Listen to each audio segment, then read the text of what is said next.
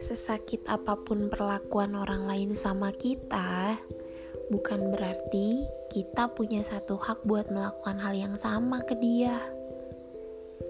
Yang selalu aku percaya, bumi dan seisinya selalu punya cara yang terbaik untuk membalasnya.